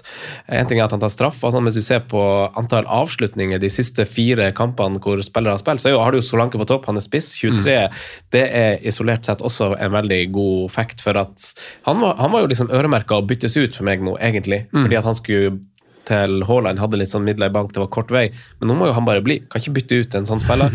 Så har du Sala med, med 18 skudd, Saka med 18 skudd, og så kommer jaggu eh, Palmer der, som jo har en bedre f.eks. XG uten straffer enn det Saka har, som har flere avslutninger. Så det Palmer kommer til for tida, er ganske bra. Og skåringa han har der når han tar såledragninga, så det er sånn Oi, den selvtilliten du gjør, liksom. Så, Det er en litt sånn, eh, Selv om lagene er veldig stor kontrast, så er det en litt sånn Riyad Mares-esk Ja, eh, sammenligning. Mm, ja. Eh, Veldig sånn billig. eh, Folk mange som har kommet seg på, men det er fortsatt mange som liksom aldri kommer seg helt på, på han. Får liksom ikke prioritert det. Mm. Skårer og assisterer i bøtter og spann. Eneste som mangler, er vel egentlig at han hadde vært med på et lag som virkelig hadde gått på skinner. For det hadde Ja. kanskje blitt enda mer på han også, men en veldig, veldig veldig god FBL-sesong for han, altså. det er det. Løp og kjøp hvis du ikke har, er konklusjon. på Ja, Cole fin timing også med, med kampen nå, så det er ja, det er, kap, er kapteins, høyaktuelt kapteinsemne til Det er rundt som kommer. Det Det, kan det, det vi skal avslutte med skal dag. avslutte med, så kan vi- Det kan jo også være at Fulham faktisk nedprioriterer den matchen litt. Med tanke på et uh, dobbeltoppgjør mot Liverpool i, i cupen før og etter. Det kan du se. La oss håpe. Vi Palmer deg. eiere. Ja, det, det er, men Palmer er et kjempealternativ. Og så har vi jo eh, et lag som du eh, har vært og flagga Ikke et lag, Sondre, han spiller jo på et lag, åpenbart. Men, men du har snakka litt eh, om uh, Olysée, som jo på en måte Ja. har vært litt i din mann, men nå er det jo ryktes om noe skade der òg. Det er jo det, og det er jo litt sånn historien med Olysée, da. I hvert fall denne sesongen her, så har jeg ikke dykka på hvordan det har vært tidligere år, om han har vært mye ut og inn eh, grunnet skader. Men uh, i Han år hadde så 31 starter i fjor, så det er ganske bra. Ja, det er Ja, ganske det, er jo, decent, det er jo veldig bra. Ja. I hvert fall for 38. en spiller som kanskje ikke var ja. Nei, av 36 kamper. Av 38. Av 38. Av, av 38, ja, men i hvert fall av en spiller som kanskje ikke er sånn Du tenkte at sånn der, han spiller alt 38-38 90 minutter hele tida. Men nå har det vært eh, syv fra start i år. Eh, seks returns på de, de syv. Det er vel fem skåringer og én assist. 675 minutter totalt. Eh, og, og han har veldig gode underliggende tall også. Eh, Crystal Palace går inn i et kampprogram som består av Sheffield United, Brighton, Chelsea, Everton, Burnley fra 22 til 26, som jo er eh, man kan si godt og blanda, da, men det er jevnt over lag som slipper inn litt mål her, i hvert fall. Med, med Brighton, med Burnley, med Everton og Chelsea hjemme. Um, han har eh, på de siste seks kampene, det er ikke seks gameweeks jeg skal bruke som referanse i dag, men jeg har tatt siste seks kamper spilt av de spillerne det er snakk om, så, så kommer han høyt ut, spesielt på sjanseskaping. Har skapt 17, eh, 17 sjanser på de seks kampene, 18 skudd, 14 av de er i boks. eh, En expected goal på 2,52. Eh, Hvis du tar bort straffene, så har han 1,73. Han tar jo Kanskje straffer, det er det vi er litt usikre på med Olysée. Eh, Han tok vel én mens Essé var på banen, eh, men man venter vel kanskje Må gjerne se én til da, før man har en 100 bekreftelse på at, eh, på at han tar de. Før han fikk den knocken nå, så var han en jeg hadde lyst til å satse på, men så så får man jo historien igjen da, med, med en ny skade og en ny usikkerhet som kanskje gjør at man man ikke tør helt å gå Olysée, men en, eh, en veldig spennende og god spiller som eh, sammen med SE, da, som også kan dras opp, som har eh, litt svakere tall, er litt lenger bak i banen. Mm. de to er på en måte hjertet i det Palace-laget, og de som skaper. De som produserer. Jeg er helt enig. Hva, hva tenker du, Simen, hvis vi ikke gjøre Hvis vi skal gjennom alle navnene, så kan vi ikke gi en sånn utdypende respons på alle, kanskje. Men eh, hvis vi skal ha lete etter en Sala-erstatter i samme klubb, er det noe der, og er det noe liv laga der? Jeg, jeg liker egentlig begge de to, godt, eh, de to veldig godt, jeg, altså. Eh, Jeg satt jo og chatta med Sondre litt under Hvem er, den hvem er de to godt? i Chris Palace. Nei, ja, nei, nå tenkte jeg på Liverpool, altså. Oh, ja, sorry, egentlig, samme klubb. Jeg trodde du mente at vi skulle prate litt essay. Ja, ja, Nei, da, Du må gjerne snakke litt SE. Ja, men, nei, eh, Liverpool er jo, synes jeg er vanskelig. Jeg nevnte jo Diogo Jota i stad på, på blokka. Jeg har kritisert Luis Diaz mye denne sesongen, her, men de to siste kampene syns jeg han har vært veldig god. Mm. Eh, Jeg sitter jo på Darwin fordi han aldri har blitt uh, mulig å kaste ut. Da, og Det var jo helt sinnssykt at å sitte igjen med bare fem poeng etter, etter forrige match, som kunne vært to pluss én. Um, Men jeg får ikke sånn der supergod feeling på noen av de, selv om du får du får nok eh, 65 minutter i snitt, da, vil jeg tro, på de fire angriperne uh, over de neste kampene. Jeg tror det blir rullert så å si likt. Mm. Eh, se litt hvordan man også For der er det også en sånn prioriteringssak, egentlig. Hvor høyt prioriterer man Fulham eh, i cupen versus ligakampene? Jeg vil tro at de går ganske hardt ut for å avgjøre den etter én. Eh, hoppe på det, og så kanskje kunne rotere seg litt ut i den andre. Men jeg får ikke supergod vibe på, på noen av de som fancy har sett, selv om egentlig både Diogo Jota og Luis Diaz har sett, skarpe skarp ut de siste to kampene. Eh, og Nunes var jo egentlig veldig skarp mot, uh, mot, mot Newcastle. Eh, også ganske god i går, selv om han ikke var så farlig. Så nei em, Jeg tror kanskje jeg ikke hadde prioritert noen av de først, men det handler jo litt eh, om nå, nå har i hvert fall jeg, jeg tror veldig mange som lytter på, har en litt sånn der skjør tropp akkurat nå. At de du vil sette inn, er, du- har du veldig lyst på skal være ganske bankers på å spille 90 minutter. I Og da starte kampene. Og, Ja. og sitte og være liksom sånn der Å, starter han, starter han ikke? Ja, Før, for- før for alle, frist, så ja, er det litt eh, alle de fire alternativene, hvis man kaller det det, da. Jeg vil jo egentlig si at Lippel har fem alternativer nå også, fordi hadde man hatt um, Hvis Soboslay er tilbake, så tror jeg Harvey Elliot fort kan ta den høyrekanten. Um, og da er det jo egentlig bare to av de fire som, som starter, da. Så nei, ikke noe sånn supergod feeling. Jeg er vel fortsatt der, tror jeg, at hvis noen, så er det Darwin, altså. Darwin, faktisk, ja. Mm. ja. Han jeg syns han har sett ganske bra ut det siste, selv om han ikke har, uh, har løsna som vanlig. Ja, det høres, ut som en gjenkjennelse Nei, gjen, gjenkjennelig beskrivelse av Ja, han, han- akkurat det. Han fikk jo faktisk konkurranse i går da, med, om å sløse mest med, fra godeste Bukayo, som også har vært en sånn eh, Ja, en lite sånn, Ikke mareritt, men det har vært ganske dårlig mm, i forhold til prisen, da, med, siden jeg har hatt den. Jeg har hatt den ganske lenge nå. Ja, for du har også saker. Ja, Ja. Og kan jo ikke gjøre noe annet der enn å bare være med og, og satse på at det, at det snur litt. Men han har jo over en lengre periode hatt ganske lite spillemål. Eh, og det bekymrer meg litt som Han koster jo 8-8, da, så det er jo ikke sånn at det er helt krise. Men jeg skulle gjerne hatt et par flere skåringer der. Og så ser du Det som betrygger meg litt, er jo at tallene hans i Champions League og sånne ting har vært Altså Det gjør at totalsummen ser bedre ut. Selv om det har vært en ganske lang run nå eh, i Premier League uten særlig sp- spillemål. Du har eh, helt rett, og det er litt sånn bekymringsverdig, for jeg er jo også Saka. Og jeg, når, du, når du er kaptein i en spiller, så føler du at du sitter liksom på første rad eh, og ser på. Og, og jeg hadde han som kaptein mot Fulham, og da var jeg litt sånn Da så jeg jo, følte jeg tidlig at det her eh, kom til å liksom løsne. Han kom til å få to-tre målpoeng i den kampen her. Skøyt i stanga, tredde folk igjennom, traff liksom, Hadde du kaptein mot Fulham òg? var det ikke Fulham? Eller var det Westham? Unnskyld, Westham. Ja. Jeg blander Ja. nå. Westham. Eh, F- Fulham hadde jeg han ikke. Det var da han hadde Ja, bomtreffet sitt, men det ble mål likevel. Ja.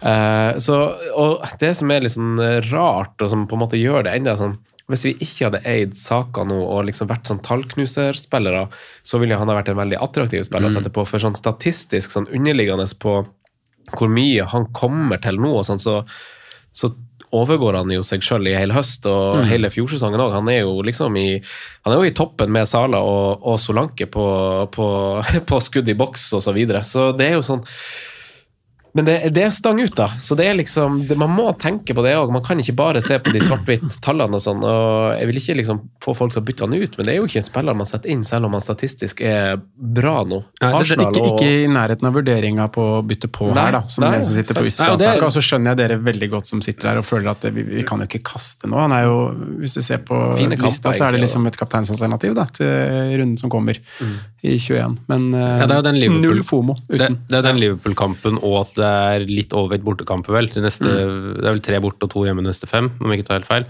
Ja. Ehm, som gjør at han ikke er sånn superattraktiv sett utenifra. Men det er jo det jeg sitter og håper på nå. At, at liksom Ok, det er ingen andre Det er ikke flere som kaster seg på han, da. At man får sitte, de, vi, vi som sitter der, får sitte i fred og ro. Så og så kommer det et målpoeng. for deres del, så vi håper Ja, han får eh, for han er jo, ja, han er jo kapteinsemne for meg i denne runden her, pga. kampen han har, og at jeg allerede har han på, på laget. Mm. Jeg er også med på de tankene med, med Cole Palmer, og vurdere det. Mm. Uh, og så er det vel Trent, da. Det er vel kanskje de tre det står om før jeg gjør noen bytter. Um, men, men de, altså det er jo ikke sånn at eh, hvis man ser helt på tallene, så er det ikke helt sånn hinsides sjansesløsning heller da, i, i Premier League. Han har en forventa utdeling på 7,94. Han står med seks mål, så det er jo ikke Altså Det er ikke Darwin Núñez-tall. Det, det, det er jo liksom, Han underpresterer litt, men det er jo litt sånn vanlig også. Eh, forskjellen kanskje da fra Arsenal i, i fjor og Arsenal i, i år eh, er jo litt at Jeg føler de er veldig sånn rigide og, og, og det er ikke så mye tilfeldig som skjer i det angrepet. Det er veldig sånn satt opp. Du skal, vi skal sette opp en mot en der. vi skal sette, ikke sant? Det er veldig sånn rigid. Det, det skjer ikke noe helt uforventa. Og så har du den at alle angriperne har overprestert eh, XG-tallene i fjor. Det har de ikke gjort i år. De har vært på, litt på motsatt side av den skalaen. da. Og motstanderne er mye mer bevisst på Ja, ja. Saka Martinelli nå enn det de har vært eh, i hvert fall for to år siden, og mer enn i fjor. Jeg du ser, du ser hele veien at det Saka har Det er, det er to mot én Mm. eh, hver gang. da. Sikringa ligger tett oppe i førsteforsvaret, og det er vanskelig for han å utrette noe én mot én, som på en måte har vært uh, en forse han har hatt. Mm. Og det har vært veldig mye snu seg rundt og spille støtte, av en naturlig årsak. fordi Eller løft løfte inn på bakerste, Ja. og så bommer Jesus. Ja, eller, eller Kai. Eller Kai. Ja, den har faktisk hatt litt, de der svingerne på baken der. Men jeg syns faktisk Saka kommer bedre ut av det enn Martinelli. da. Hvis du tenker sånn. Ja, ja. Han er enda mer off, egentlig, sånn sett. Men eh, det, ja, Fint innhopp av han i går, da. Hæ? Fint innhopp av Ja, altså det er jo, Du sa det jo veldig fint da vi satt og planla episoden sin, men det er jo en veldig fin spiller å få å gi ballen til eh, 30-40 meter unna, fordi han har jo ei voldsom fart. Og, og det er liksom en ting man er god på, det òg. Så det er jo eh, Men det er Det skorter på sist i boksen til Arsenal, og egentlig nesten begge veier. Nå slippes det litt inn på dødball, uvanlig, det veldig stang ut. Eh, Så, så vi, vi styrer kanskje unna å bytte. Selv om jeg ser på, på algoritmelaget vårt, så ønsker jo det at vi skal både kaptein og bytte inn i Arsenal, og det kommer vi jo litt sånn tilbake til. og Det handler jo først og fremst kanskje om motstanderen Ja, enn men jeg, vi, kan, vi kan godt ta det mens vi fortsatt er på Arsenal, for jeg er der at jeg snuser på Martin Ødegaard. Altså. Samme her. Han har vært planlagt bytte lenge, og så har jo jula og siste tre kamper kanskje Skapt en usikkerhet. Skapt en usikkerhet ja. Men han har eh, kanskje også vært et lyspunkt, egentlig. Nettopp Som, det. ja. Han er jo ekstremt nærme skåring i går med tverrliggerskuddet sitt. Ja, så, Men er han i litt mindre farlige situasjoner, eller er det bare meg? Eh, ja, det kan du kanskje egentlig si Uh, at han egentlig er. Og, Jeg syns han var helt fenomenal på Anfield. Første timen der var han fantastisk god, men ofte da dypere i banen. Da. Ja, og et par av de kampene han har spilt nå, så har jeg jo egentlig dem eh, Han har blitt veldig stengt og fratatt. Jonas spurte han vel også i en presse, jeg husker ikke om det var Vestheim eller Fulheim. Eh, liksom en, den spilleren hadde i pressesonen etter kampen. liksom, Ja, du tok ut Martin, så var sånn, ja, jeg skulle Det var vel han Alvarez i Vestheim fort vekk, tror jeg. Ok. Som bare var sånn, altså han kom jo, Martin hadde vel ett skudd i, i Ja, det er beinknuser, det. Ja, ja. så, så det der å stoppe han fra de her Han er jo blitt veldig veldig farlig på 16-17 meter, Ødegaard, hvis han liksom har tid og rom der. Eh, Men de snudde litt har- i går. Er det eksperiment, eksperiment, tror du, eller er det bare en form for rotasjonen? ja, pff, sikkert litt begge deler. Ja, fordi da spilte vi med tydelig uh, 2-1, Ja. og ikke Mm, 1-2. Og ikke noe backer inn i går heller. Hæ? Ikke noe back inn i går heller. Kivior fikk, Kivior, fikk slippe det etter ja, Cottage-opplevelsen ja, sin. Sant. Eh, Så det også var et grep de gjorde fra forrige match. Ja, for så vidt. Ser du det. Men jeg, jeg har jo, eh, som sagt, på planlagt litt her. Nei, jeg har så mange navn Ja. at vi må Ja, ja, ta- ta- ta- Men Ref Ødegaard, da, som kanskje kan backe litt det du spør om, Simen. Er han i litt mindre farlige posisjoner? Er han litt, med, nei, litt, min, jo, litt mindre farlige posisjoner? Er han litt mindre involvert i boksen? Eh, Jeg har plukka ut 13 midtbanespillere som jeg har eh, lagt inn i et eget eh, statsark her. Um, Og da når det kommer til Det er de siste seks kampene spilt. Eh, Expected goals er jo han den som er klart sist da på den. Ikke klart sist, men sist av alle de 13 midtbanespillerne. Eh, Skudd i boks er han tredje sist. Sjanser skapt er han nummer to, eller nummer én faktisk, sammen med Pascal Gross. Ja. Så kanskje litt mindre i boks, kanskje litt uh, lengre fra mål, men likevel, som du sier, da, han ser jo ut som den Arsenal-offensiven som er mest påskrudd, som har mest energi, som, som uh, ja, som det er mest i akkurat nå. Som er best trent, kanskje? Som er opp mot Saka Martinelli. Jeg er enig i det, altså. Så han er ikke, han er ikke utelukka her, altså. Men skal vi, skal vi Nei, for det er jo altså å ta, Jeg kan ta, siden du sa det, Simen, så kan vi ta det algoritmen ønsker at vi skal gjøre. Så er det jo to ganske knepne ting. Eh, og Den ønsker jo at vi skal gjøre sånn til Richarlison, eh, og så ønsker den jo også at vi skal få på Ødegaard. Eh, eller, eller eh, forslag to er å bare gjøre sånn til Ødegaard og liksom spare mm. det andre. Men, eh, men eh, Så det er jo to hete navn, og det kan jo tas over på Tottenham, jo, som nå har signert ja. Timo Werner. Har de angivelig signert? på- Nei, angivelig. Angivelig. Eh, på, på lån. Eh, fra før av så har de Brennan Johansen. De har Son som er borte. Richarlison vet vi at de har der. Dejan. Eh, Kulisevskij. Skal Darwin få seg konkurrent?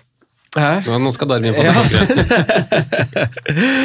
Men eh, hva, hva, hva er tanken da om uh, Tottenham, som Ja. jo uh, veldig mange datamaskiner, og kanskje også egentlig vi uh, har sagt ganske lenge at er naturlig erstatter for Son, for da har man også det Tottenham-alibiet i et, et eh, lengre løp. Fordi Tottenham har jo egentlig ganske fine kamper over tid nå. Eh, det er jo derfor vi har snakka om å hente Son tilbake, men kanskje man slipper siden man har Richarlison, og så kan man ha Haaland og Sala da, Ja. eh, og droppe Son. Så hva, hva er deres tanker om, eh, om, eh, om det? Har du, eh, er, det, er her noe på lista di? Har du flere Tottenham-menn på lista di, eh, Sondre? Nei, jeg har bare lagt Richarlison inn i den lista her, da. Eh, og så, så, så dro jo Simen opp eh, Kulisevskij innledningsvis her, så han kan jo, kan jo fylle på med litt Kulisevskij-tanker. Men Richarlison er jo en åpenbar mann å se til, hvis ikke man eier der. Som erstatter for Son, som erstatter for Sala, som erstatter for andre midtbanespillere du vil, du vil ha ut. Du snakka litt om at han kan være i det øyeblikket Son kommer tilbake, da, Franco, så kan kanskje Richarlison eh, Du trenger kanskje ikke gjøre det byttet, eh, fordi han eh, Richarlison kan vel så godt være ditt alibi i, i, i Tottenham. Hvis du ser på de siste fem rundene nå Tottenham slo Newcastle 4-1, var det det? Jo, 4-1 i runde 16. Eh, Son får 17 poeng, Richarlison får 15 poeng. Etter det så har Son fått eh, 9-8-1-8 Nei, Richarlison fått 9-8-1-8. Eh, og, og Son fikk i samme periode 2-7-5-9. Så de har levert ganske jevnt. Eh, og hovedpoenget her, som kanskje skiller de to, er at det er en prisdifferanse som gjør Richarlison mer attraktiv fordi han er billigere. Men igjen, kommer du noen gang til å kapteine Richarlison, du vet at du tør å kapteine.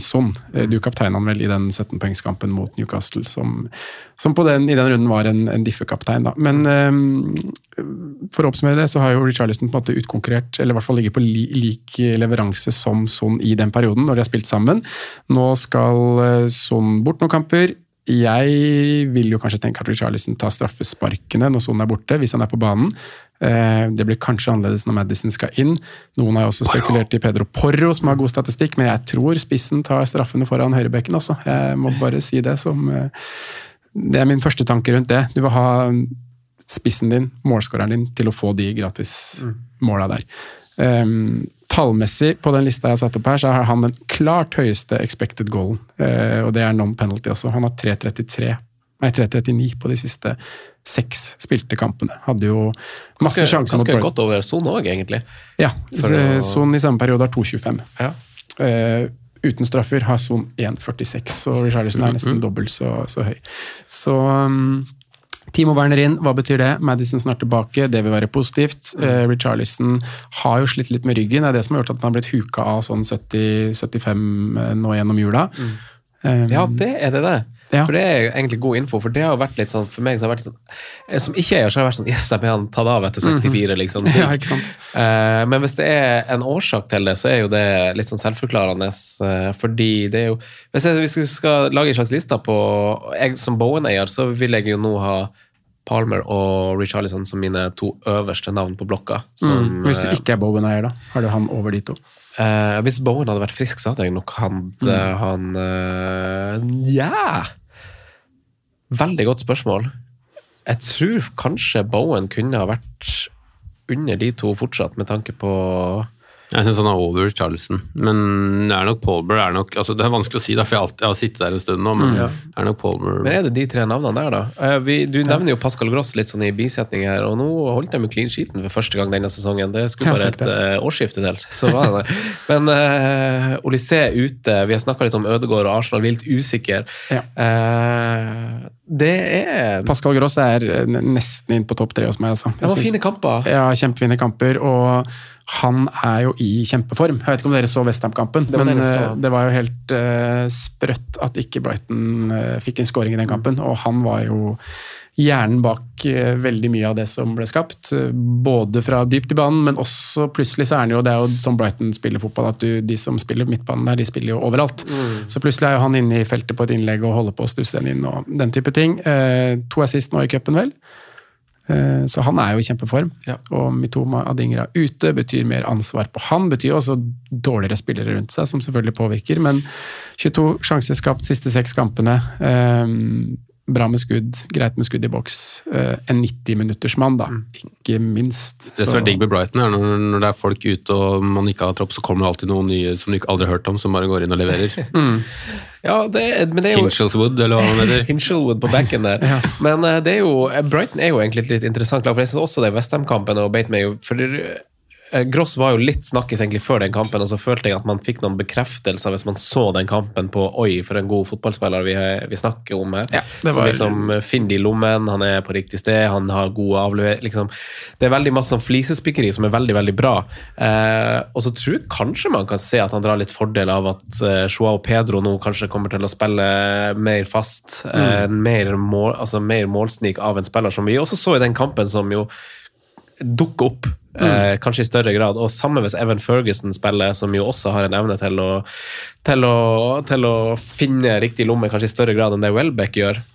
Nå er jo riktignok Welbeck der, han er jo ikke en av de som stikker, men jeg tror, eh, tror ikke nødvendigvis det er sånn kjempefarlig for, for Gross at Mitoma og Adingra er borte. Eh, så, så jeg tror eh, en ting er at det åpner døra for, for, eh, for Gross, men jeg tror også det åpner muligheter for, eh, for andre. Men så er det jo der, hvis vi skal snakke om Tore Haugstad og, og hans mantra igjen, så er det kanskje det at du kjøper deg mer sikkerhet i å gå for Gross istedenfor f.eks. straffetakeren Joao Pedro, som jo om tre-fire runder kanskje plutselig er på benken fordi folk er tilbake. da. Så Gross er helt enig. Superbra spiller. Ja, Selv om det statistisk er jo litt lenger ned på de, liksom de farlige statistikkene, på de store sjansene han skapt, Han koster mindre også. Ja. Og da, han, han, han treffer veldig mange av de punktene som er viktige nå. Så man må huske på at det, det, er, det er nok mange som er i min situasjon også. at man skal man få råd til, til Haaland, så må man selge til litt billigere spillere. Man kan liksom ikke bare kladde på med Ødegaard og Bowen, så man må faktisk hente litt midler, da. Så det, programmet, pris, eh, stededig eh, Veldig mye eh, treffer ganske godt for godeste Pascal Gross nå, altså. Det gjør det. Eh, Høyaktuell, høyaktuell her, altså. Vil du fortsette på lista di, eller eh, Ja, vi har vel eh, kaste ut noen jokere her før vi går videre? Vi rekker, Jeg kan kaste ut noen jokere. Jeg har jo Anthony Gordon. Eier, så dere må gjerne si hva dere tenker om han. Jeg har jo på en måte, jeg- Nå har jeg nesten ridd av den stormen som har vært gjennom jula. Fått meg noen assist her og der, og så er det, er det City nå før det på en måte åpner seg et litt bedre program da, for Newcastle sin del. Og man kan jo kanskje spekulere i om at en vinterpause gjør de litt godt. Ja. At de får uh, hvilt litt. og og får litt folk tilbake på, på banen som har vært ute med skade i forsvar der. Det har vært mye prata rundt det at det har vært mye slitasje og mye um, kamper på kort tid. Eh, nå har vel ikke de har klaga på det sjøl, men han kan jo på en måte takke seg litt sjøl òg. Han har spilt det samme mannskapet dag ut og dag inn i hver eneste kamp, og det handler litt om, om bredden i laget. Men eh, jeg har bikka over til å nesten bli litt fornøyd jeg, å være Anthony Gordon-eier, og ikke se på det som en prioritert mm. sak å få han, eh, få han ut. Jeg tror du er Eh, inne, på noe viktig der. Altså, de trenger sårt en pause, ikke bare for å få folk tilbake, men bare for å litt pusterom på de gutta, gutta der. Altså, eh, det var ikke bare på en måte Liverpools fortjeneste at de skapte så mye som de gjorde mot Newcastle. Newcastle så helt ferdig ut etter 60. Eh, og det handla egentlig bare om hvor, Ja. uh, hvor mye de klarer å stå i ramma. For jeg syns de gjorde egentlig en veldig heroisk innsats, selv om de slapp til enormt mye på på Anfield, altså. Så ja, jeg, jeg snuser litt på, på Gordon selv, altså. Litt sånn samme type argumentene som vi har brukt for Pascal Gross, bortsett fra at Gordon er jo da mer målfarlig og, og kanskje i de riktige statistikkene. og det du hinta til litt her, da, Franco. Altså, han er jo en poengplukker, det er jo det han skal være. Og så dessverre er han en kortplukker i tillegg. Eh, så Men hvis du sammenligner de to, da, siste seks kamper, Gross opp mot Gordon eh, Gross skaper jo mye mer sjanser. Han har 22 sjanser skapt, Gordon har 9. Skudd. Gross har skutt 14 skudd, Gordon har sk Nei, Gross har faktisk 16, Gordon har 14, og de har begge like mange skudd i boks. Ja. ja. Så det er Når er neste suspensjon? Første er på fem, er det neste på åtte-ni, eller er det på ti? Jeg lurer på om det er på 10. jeg. Vet du det? Uh, det tipper jeg er ti. ja. Tipper det er. Ja, og så er det to kamper. Eh, nei, nå lukter det, lukter det gross Er det to og kamper, da? Ja, det tror jeg. Ja, for rødt er jo på andre rød, så får du fire kamper.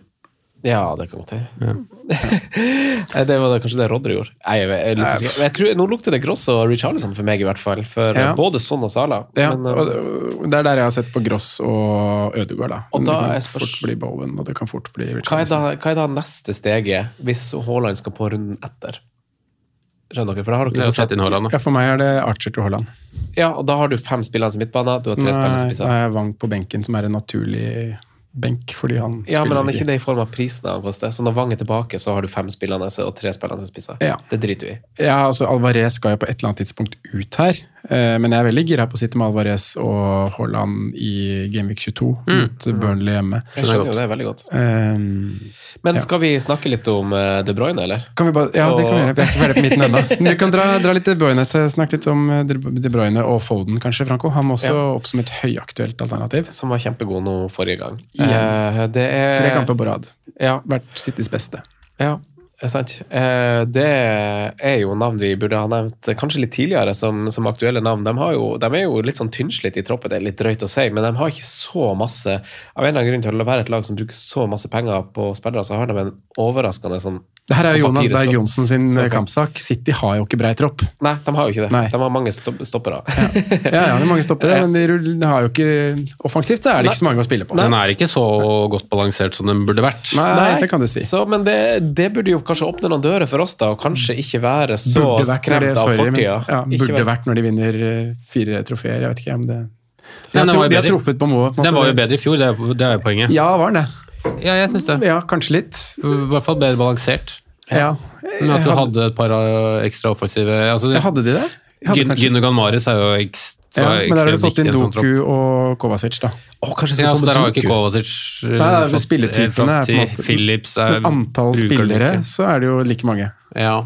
Mm. ja Men det er en, eh, det en diskusjon for en annen podkast. det. Men, Ja, men, men, men eh, st- statistikken til, eh, til Alvarez har spilt seg betraktelig opp Eh, om dere ikke har tenkt på det. For han var jo bare Jo, sånn jo, det- Vi snakka jo tidlig i sesongen om at ok, du, du er veldig godt tjent med å spille med veldig gode lagkamerater i et lag som skårer masse mål, fordi da, da får du den enkle assisten i ny og ne. Sånn er det bare når du spiller spisse. Og, og nå er det jo sånn at nå er han jo eh, ganske mye høyere opp. Men det er jo samtidig andre spillere som husker Siver på midtbanen, med Doku, Grealish, Rodri, som jo skårer skårer de jevnlige målene og kommer til veldig veldig masse skudd. 14 skudd har han. Eh, det er nesten litt sånn Palmer i det. Sånn, eh, mange skudd utenfor boksen og ganske få i. Så har du Bernardo Silva, Ja. som god for tida. Det er Men, men, men ta De Bruyne og Foden, da.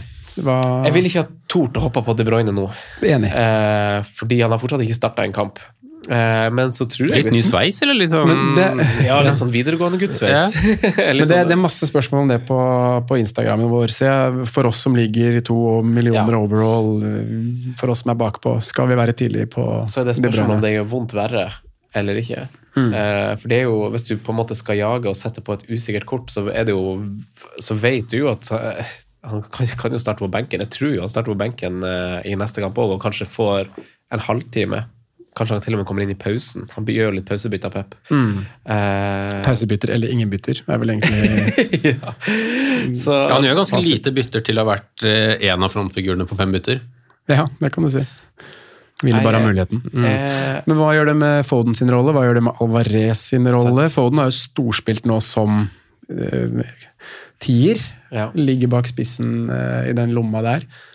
Eh, skal han ut til høyre igjen nå når Kevin De Bruyne er tilbake? Er det Haaland inn, Alvarez et steg bak, De Bruyne bak der igjen, Foden ut høyre?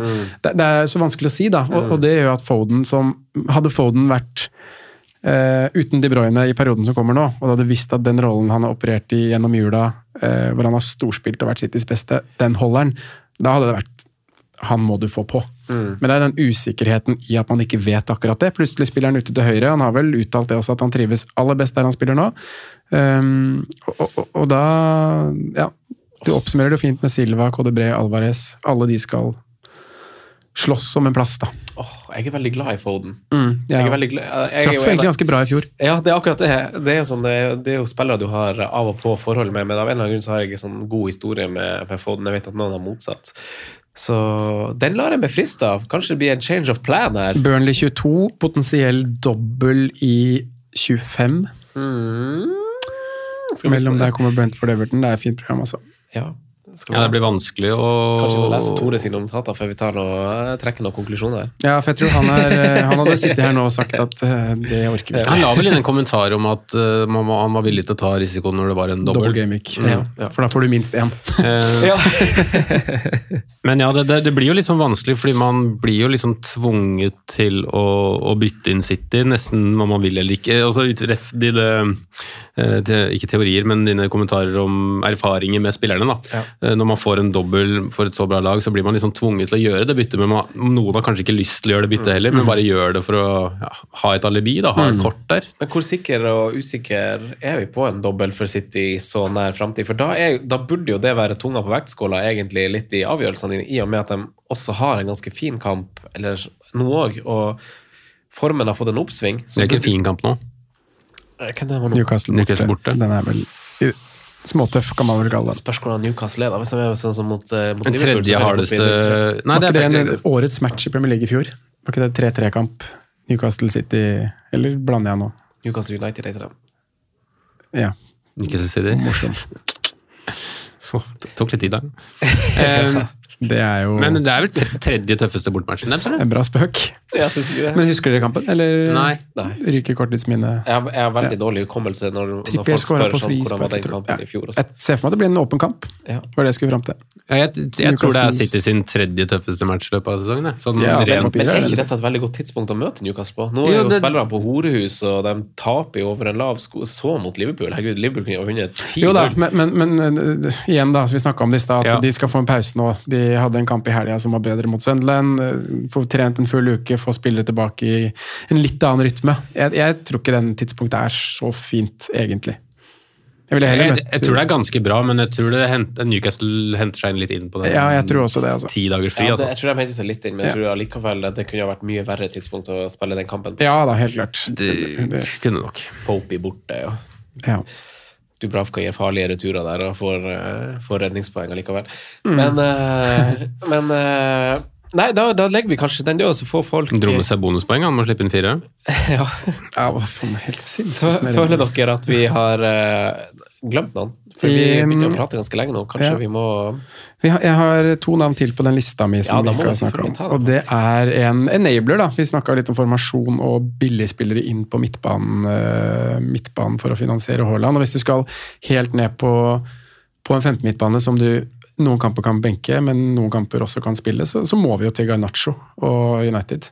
Ja. Fire og åtte. Eh, siste seks kamper, den spilleren som har skutt klart mest av de spillerne jeg har på den lista her. Han er den som har skutt klart mest i boks. Eh, Han har en veldig høy XG i eh, åpent spill, og han tar jo ikke noe straffer for så vidt, så han får jo bare XG i åpent spill. Mm. Men han er jo et av lyspunktene i Manchester United om dagen, det må man jo kunne si. Og virker jo også til å være foran eh, Anthony på den høyre kanten, også spille litt venstrekant. Um, Han er jo en til- prisen av spiller. 4,9 så er det jo, eller 4,8 koster han vel, så er han en kjempeenabler. Han er jo absolutt noe man må, må vurdere inn hvis man, hvis man må helt ned i den prisklassen der, så mener jeg at han er et, eh, et klart valg. Um, så, så han også er på blokka her, litt avhengig av hva slags formasjon jeg velger å spille, og hvilke typer jeg har lyst til å få inn, da. Um, men han må, han må med i miksen. Mm. Ja, må kanskje det. Sammen med sistemann jeg har, som er eh, en som har én scoring og åtte assist i eh, sesongen så langt, men som har vært ute med skade ganske lenge. Neto? Eh, Nei. Pedro Neto. Ja. Helt riktig. Fikk ti minutter mot Everton. Uh, burde jo hatt, uh, burde jo hatt scoring da, hadde vel en kjempestor sjanse som han skyter over, og så har han en i nettet som blir annullert for offside. Uh, kom inn også nå i cupen i helga og s produserer målpoeng med én gang. Um, og Wolverhampton er et lag vi liksom må Der må vi gå litt i oss sjøl, rett og slett. Og vi har nevnt Kunya mye, og vi har Dere har eh, begge Hichad Wang. noen av oss har kommet oss på vang, men det er et lag som har gått litt under radaren for oss. Fordi, I hvert fall for meg sjøl må jeg si at jeg, jeg har ikke sett så mye kamper av Wolverhampton før jeg begynte. Jeg husker den United-kampen i runde én spesielt godt. Da var Kunya helt helt vanvittig god. Um, men etter jeg har begynt å eie Wang og komme meg ordentlig på han fra, fra runde 15 der, så har jeg sett eh, mye i Wolverhampton, og de er bra, altså. De spiller bra fotball. Skal jeg si noe sjukt? Få høre. Kunja har eh, overprestert XG-en sin. Det er sjukt. Det har han. Han ligger, på, han ligger på, da, men han er ikke under. Og Det- det er sånt vi liker. Det er Det er ganske sånn vi liker. vilt etter å ha sett den seriestarten, for da følte jeg det var en som aldri kom til å skåre mål. De sjansene han hadde der, altså. Ja, Skåra seks mål, forventa på 5,9. Om vi skal holde oss litt sånn i Midlands, sånn, har dere eh, lagt merke til den vanvittige nedsvingen på Watkins? Statistisk. Hvis dere ser på antall skudd, XG og sånn, fytti katta du må langt ned på listen for å finne han nå. Eh, han har, hvis du ser på liksom skudd i boks, XG uten straffe, dritlangt ned. Så Ja. der, det er snakk om liksom 20 spillere over han 1,11 siste seks kamper. på XG non-penalty. XG non-penalty. Mm. For jeg så på den, siste fire, Nei, som jo er jula her. Da er han på 0,6 et eller annet. Ja, kanskje Det XG er- per goal jeg så på. Ja, ja nei, men vi har på ulike statistikker. Jeg har siste fire, du har siste seks. Ja, XG per goal Han har seks skudd i boks de siste fire rundene. Til sammenligning har han Solanke 21. Eh, det er ganske stor forskjell, og det er veldig mange Hinchelwood har åtte.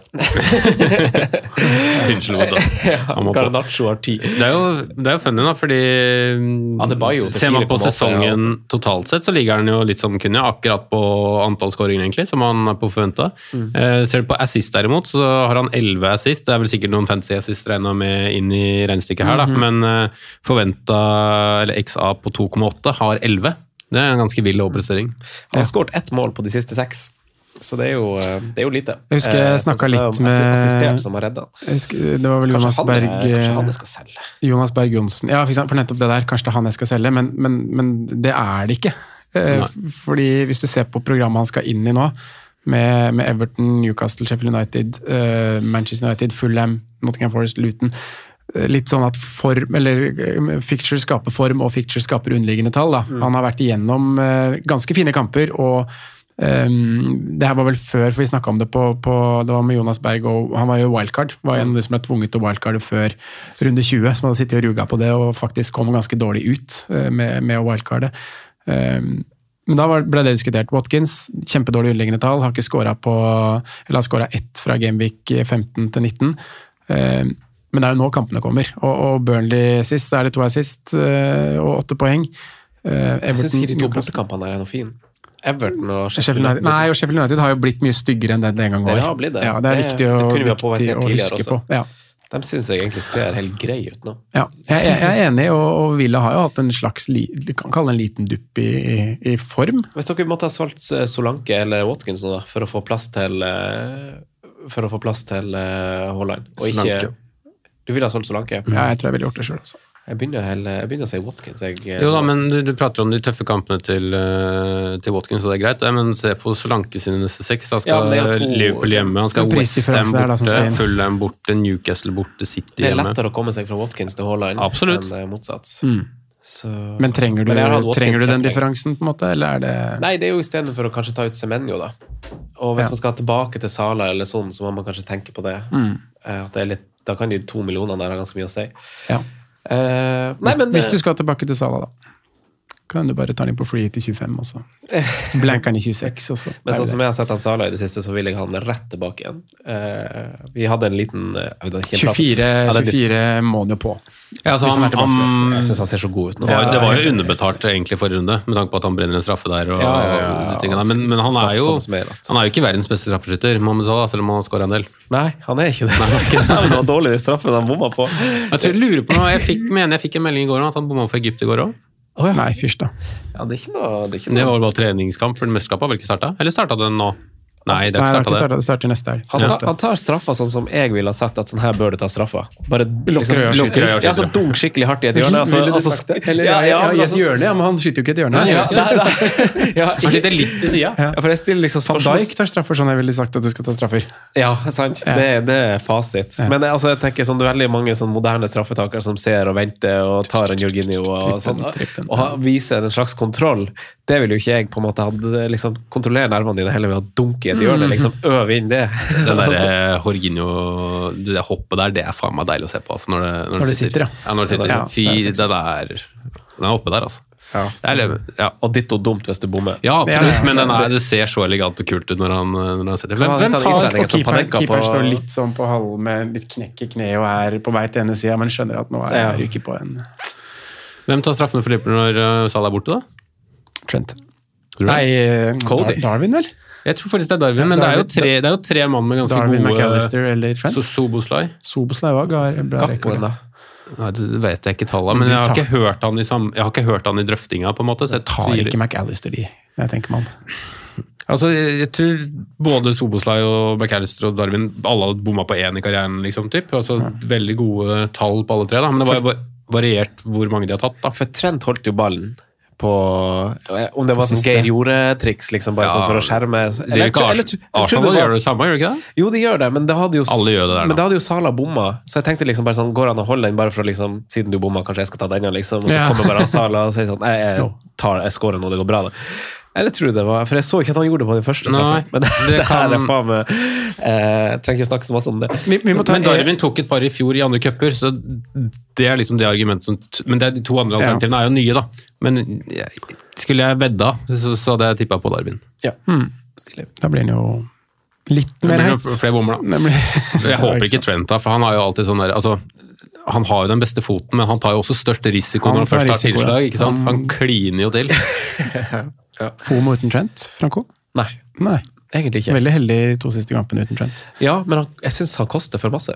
Ja, Og det Jeg er jo både helt enig med algoritmer og deg. veldig Sånn mange. isolert sett så gjør han det, men nå når ikke penger er et issue i fem-seks kamper, så mener jeg at folk bør prioritere det. Ja, jeg syns den er fin nå, men jeg kan ikke prioritere han over rødflagga folk på midten. Helt enig. Så, så hvis jeg hadde hatt mange som skulle til Du kan ha FOMO selv om du ikke klarer å prioritere den. Ja. Ja. Eh, Er du redd? Hæ? Er du redd? Får, får du sove? Trent borte mot Bournemouth. Eh, Jeg tror ikke det er den kampen det virkelig smeller, men det kan bli noe. Bra. Før vi tar kapteinsdiskusjonen, så må vi jo bare nevne Dere må, dere må si noe om Tony. For det er også Ja. masse spørsmål om han. Ja, for han er ikke flagga lenger. Så han banga et Ivan hat Tony. trick, eh, et hat trick for U23 eller noe sånt i helga. Så han har trent fotball og spilt kamper bak lukkede dører, han altså. Men han har gjort det hele veien? Da er det noe Nei, jeg tror han hadde et, et par måneder hvor han ikke fikk lov å trene med laget, og så kunne begynne å trene med laget, og så Var det en del av straffa? Ja, jeg, jeg hørte noe, det var en podkast jeg hørte det på. Er det da en indre justisstraff, eller er det bare det var med, liksom? I don't know. Det høres jo helt rart ut. Forest hjemme, Spurs borte. Du må, du må på side to på Brentford for å finne den. Ja. Der har vi en Ivan Tony. 7,9. Scenarioet her nå vet du, er at du kjøper deg en spiss, og så hvis du sitter med tre Arsenal fra før, så har du plutselig fire Arsenal i løpet av januar. Ja, tror vi på det? Det virker jo litt som om eh, det- det kanskje er litt restriktivt og ikke har så mye forhandlingsrom, da. Det er veldig vanskelig å si. Altså. Jeg vet ikke om den Raja-overgangen i sommer var pga. FFP, eller om det bare var et ønske om å låne istedenfor å kjøpe. Det er jo pga. FFP ja, at det er blitt løst på den måten, og så er klausulen satt, og så Setter man det på neste år eller i ja, år, da? et eller annet sånt. Så, ja. Men eh, vi kan ikke vi ta kapteinsdiskusjonen som dagens spalte, da? Vi prater om Tony, skal vi ikke? Ja. Tony eller wait and see, selv om beste Ja, kampen kommer nå, eller hva tenker dere? Tenk å komme rett inn på han, da. Ja, Bange et hat trick mot. Nottingham Forest der. Det var gøy. Fra flekken til Tony. Hæ? Du har flekken! Du har flekken! Og så hopper vi til spalten. Franco nevner spillere som kan være aktuelle. Rådets spillevalg. Jeg tror jeg skal ta den uforberedt hver gang. Jeg tror det går bedre. Kjør den nye spalten. Det har jeg faen gleda meg til. Rundens kaptein. Vi er jo uten Son, vi er uten Sala. Vi er mest sannsynlig uten Mest sannsynlig velger å si uten Haaland, så Ja. får dere være opp til dere å, å dømme. Enig i den. Eh, du er enig? Ja. ja. Det er det viktigste for meg. Man kan bare Eh, si det at hvis han melder spilleklar og Så er jeg fortsatt enig med Franco. Nei. Så er han uten tvil det beste kapteinselven i denne runden. Og jeg kan fort hende jeg er den, altså. Selv om vi ikke får noe nytt. Ja, det kan Oi. jeg, siden de spiller første helga. Det har du ikke uttrykt i løpet av episoden. Nei, men jeg gjør det nå. Ja, jeg tror ikke det er fordel at de spiller mot Newcastle. Nei, nei, nei, han skal ikke inn i denne runden her. Det er bare å glemme, faktisk. Det er lov å si. Enig med deg. Det er lov å si. Eh, de, spiller den, de spiller jo eh, altså, de spiller jo førstkommende helg, i motsetning til f.eks. Eh, Arsenal og Liverpool, som spiller neste. Er det her runden, gutter, hvor man skal gå litt mot prinsippet? Eh, Som er? Som er at man ikke skal kapteine tidlig i kampen. Oi. At man rett og slett skal kapteine Ja, jeg tror ikke jeg skal kapteine i Burnley-Luton. Coleosho. Ja, Ja, du skal ikke det? Sander Berge. Sander Birch. Jeg tenkte jo mer på Doughty da, i Luton, som er ja. erstatteren for Trippier. Som vi ikke har snakka om, faktisk. Har ikke snakka om Trippier. Dårlig, dårlig, ja. Dårlig podkast. Ja, dårlig podcast. Dårlig pod- Det var masse, Dårlig det var masse å gape over i dag. ja, men vi burde snakka om Trippier. Ja, det burde vi. Jeg har han fortsatt. og Jeg har Jeg fortsatt, akter å benke han med, hvis jeg gjør to bytter på midten. Samme her. Ja. Jeg vurderer å spille nå, men uh, Doughty i Luton hadde jeg vurdert å kapteine hvis jeg hadde eid. Nei, det jeg skulle si var eh, Dere vil vel ikke ha kaptein uh, halvannen uke etter deadline? Eller vil dere det? Jo, jeg vil det. Du vil det. Eh, det er jo for the fun of it. Jeg syns det er artigere på en måte å ha kapteinen sin i spill seint. Ja. Eh, Men er det forskjell på det når det er mandag, fredag Søndag. til mandag, eh, enn at det er fredag til mandag? Det er mandag? derfor jeg skal bytte på Pascal Grosse. Jeg har en spiller på den aller siste kampen av runden. Ja. Og det er fair. Bytte på å ikke ha han som kaptein, men å ha Ja. han som kaptein også. Eh, nei. Jeg tror jeg skal ha kaptein i Arsenal. Mm. Og satse på at den pausen her gjør dem godt. Jeg hadde kanskje, altså Nesten så tunga på vektskåla er at jeg ikke hadde kapteina dem hvis jeg spilte første helg. Ikke fordi at det var Oi. tidlig kamp, men fordi at Det er dårlig form. eh, ja, Ja. at de er Nå kommer de sikkert til å få noen dager fri. Mm. Kanskje til og med liksom reise litt, hvile ordentlig.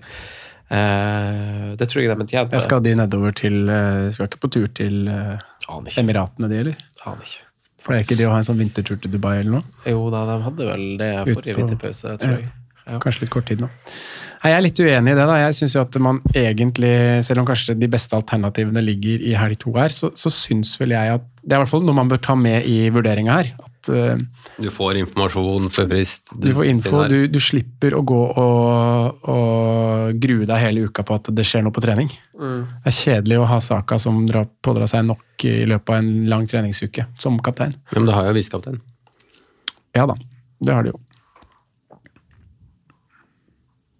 Ja. Nei, For, for, for min del, per nå, i hvert fall det laget jeg har, så står det mellom eh, Palmer og Saka.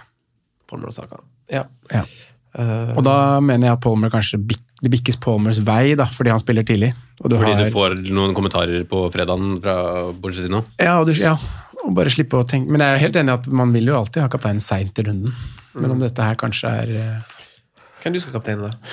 Nei, her så står det jo mellom Palmer og den av Ødegaard og Jeg har egentlig sett det Bowen også, jeg, da. Med, hvis jeg hadde bytta på han med Ja. Sheffield United-kampen. Så, så toucha vi litt innom det i stad at Sheffield United er ikke det Sheffield United var for seks uker siden. De har sett mye mer eh, solide ut etter, etter trenerbyttet. Um, så, så per nå så er det nok uh, Palmer um, Ja, eventuelt en av de jeg bytter på, da, som, som peker seg ut. Ja, det er spennende eh, tankegang, syns jeg. Fastik. Hvor står du? Jeg står nok på saka per nå når jeg sitter og ser på kampene som er her, egentlig. Og jeg har jo Palmer òg. Trent overvurderer jeg, for så vidt. Ja, da, jeg føler jo egentlig at eh, Du har jo selvfølgelig de tre strengene å spille på, i og med at han kan få clean sheet eh, også, men jeg føler at den kanskje ryker. Ja da, eh, Eh, offensivt. At, eh, ja, det er akkurat det. Bra Så du lag. håper litt på det. Ja, det er åpen kamp, det også. Jeg, jeg, jeg, en som hadde vært gøy å, å spekulere litt i òg, er jo hvor åpen den der Manchester United-Tottenham-kampen blir. Ja. Jeg tror også den kan åpne seg ganske opp, altså. Eh, Aston Villa har vært gode også, så du skal ikke helt utenkelig at, at, at de slår Everton, selv om jeg tror den blir ganske tøff. Tror, tror den blir det- låst, liksom. Ja, jeg har liksom ikke tenkt så mye på Watkins. Nei, det er, eh, det Jeg syns vi kan begynne å tenke på Watkins på mange måter. Ja, ja du vil jo Ja. bytte den ut. Uh, Nei, men uh, enig i den United-Spurs-kampen, uh, Simen. At uh, Richarlison, da, du tenker på. Kulisevskij som du skal kjøpe. Mm. Jeg, jeg, jeg, jeg, tror jo den kampen kan bli litt sånn kokos, da, i hvert fall hvis Tottenham skal gå ut i det uh, i den, på den måten de pleier å gå ut på i årets sesong. Og så skal United prøve å kontre igjen på det, så tror jeg det kan bli en litt sånn kontring på kontring på kontring-type match. da, At liksom begge lag egentlig fosser litt i, i angrep. for jeg selv om jeg tror ikke jeg tror ikke United vil legge seg bakpå, det er ikke det jeg mener, men jeg tror de vil prøve å utnytte at Spurs kommer til å være såpass eh, villige til å stå høyt da, og angripe. Så det kan fort bli en litt sånn bias-type match, tror jeg. Ja. Det var vel eh, Brighton-Wolverhampton 6-0 i fjor. Pascal Ja. Gross med to skåringer. Unda og Welbeck med to skåringer hver. Gross mot eh, Unda ble månedens spiller i Bundesliga, men ikke? Det er godt mulig. Tror jeg faktisk. Men eh, Gross mot Wolverhampton, hvis jeg har bytta på han, så Kanskje det rett og slett blir kapteinen min i siste kamp. ja. Nå er du så opptatt av andre ting. Jeg er opptatt av å filme dere til eh, Instagram. eh, Vi kan pakke, pakke sammen, Franco. Vi kan godt kanskje gjøre det. jeg merker- Hva merker at du er klar for å gå vi, nå. vi begynner en og en halv time her. Jeg har ikke følt at den her blir lang, tror jeg. Det er mye å snakke gjennom. Det er veldig mye å snakke om, så det er ikke det. Overhodet ikke det. Eh, vi, Så du skal kapteine Saka.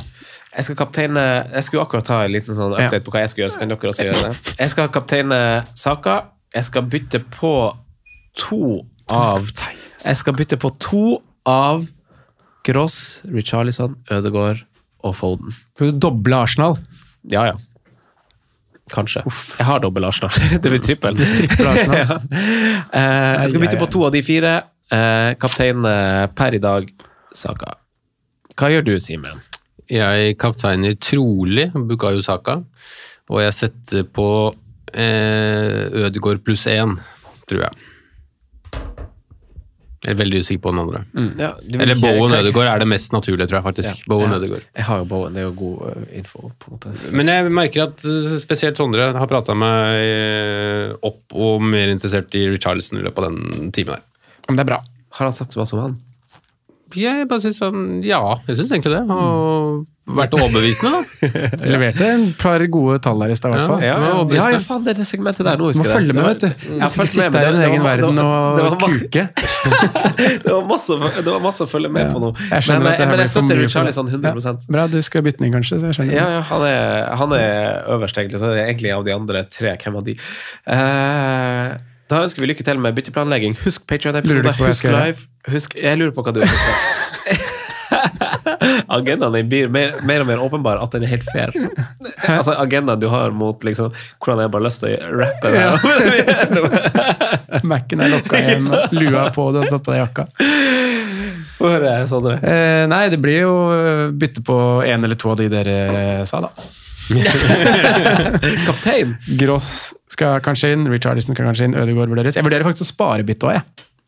Bare bare stole på laget sitt, liksom. Komme seg spole på Trippier og Gordon hjemme mot City, bytte Son til Gross og ha to bytter inn i neste. Ja, spare ett, ja. Mm. Simen blir sliten. Ja, jeg gjespa litt nå. Ja. Gutta har ikke hvilt i ferien, altså. For det overskudd. Kaptein blir eh, den jeg bytter på av uh, Richarlison, Gross Eller Palmer. eller Palmer. Men da snakkes vi. Vi gjør det. Adjø. God jul. Bye, ja. Straight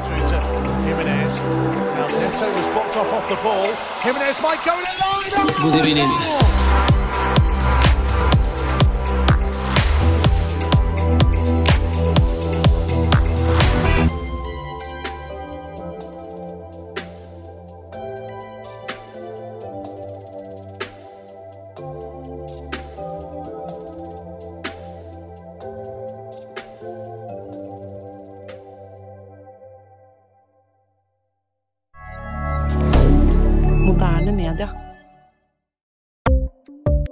Ukens annonsør er Folio, en smartere banktjeneste for deg som har en egen bedrift eller ønsker å starte for deg selv.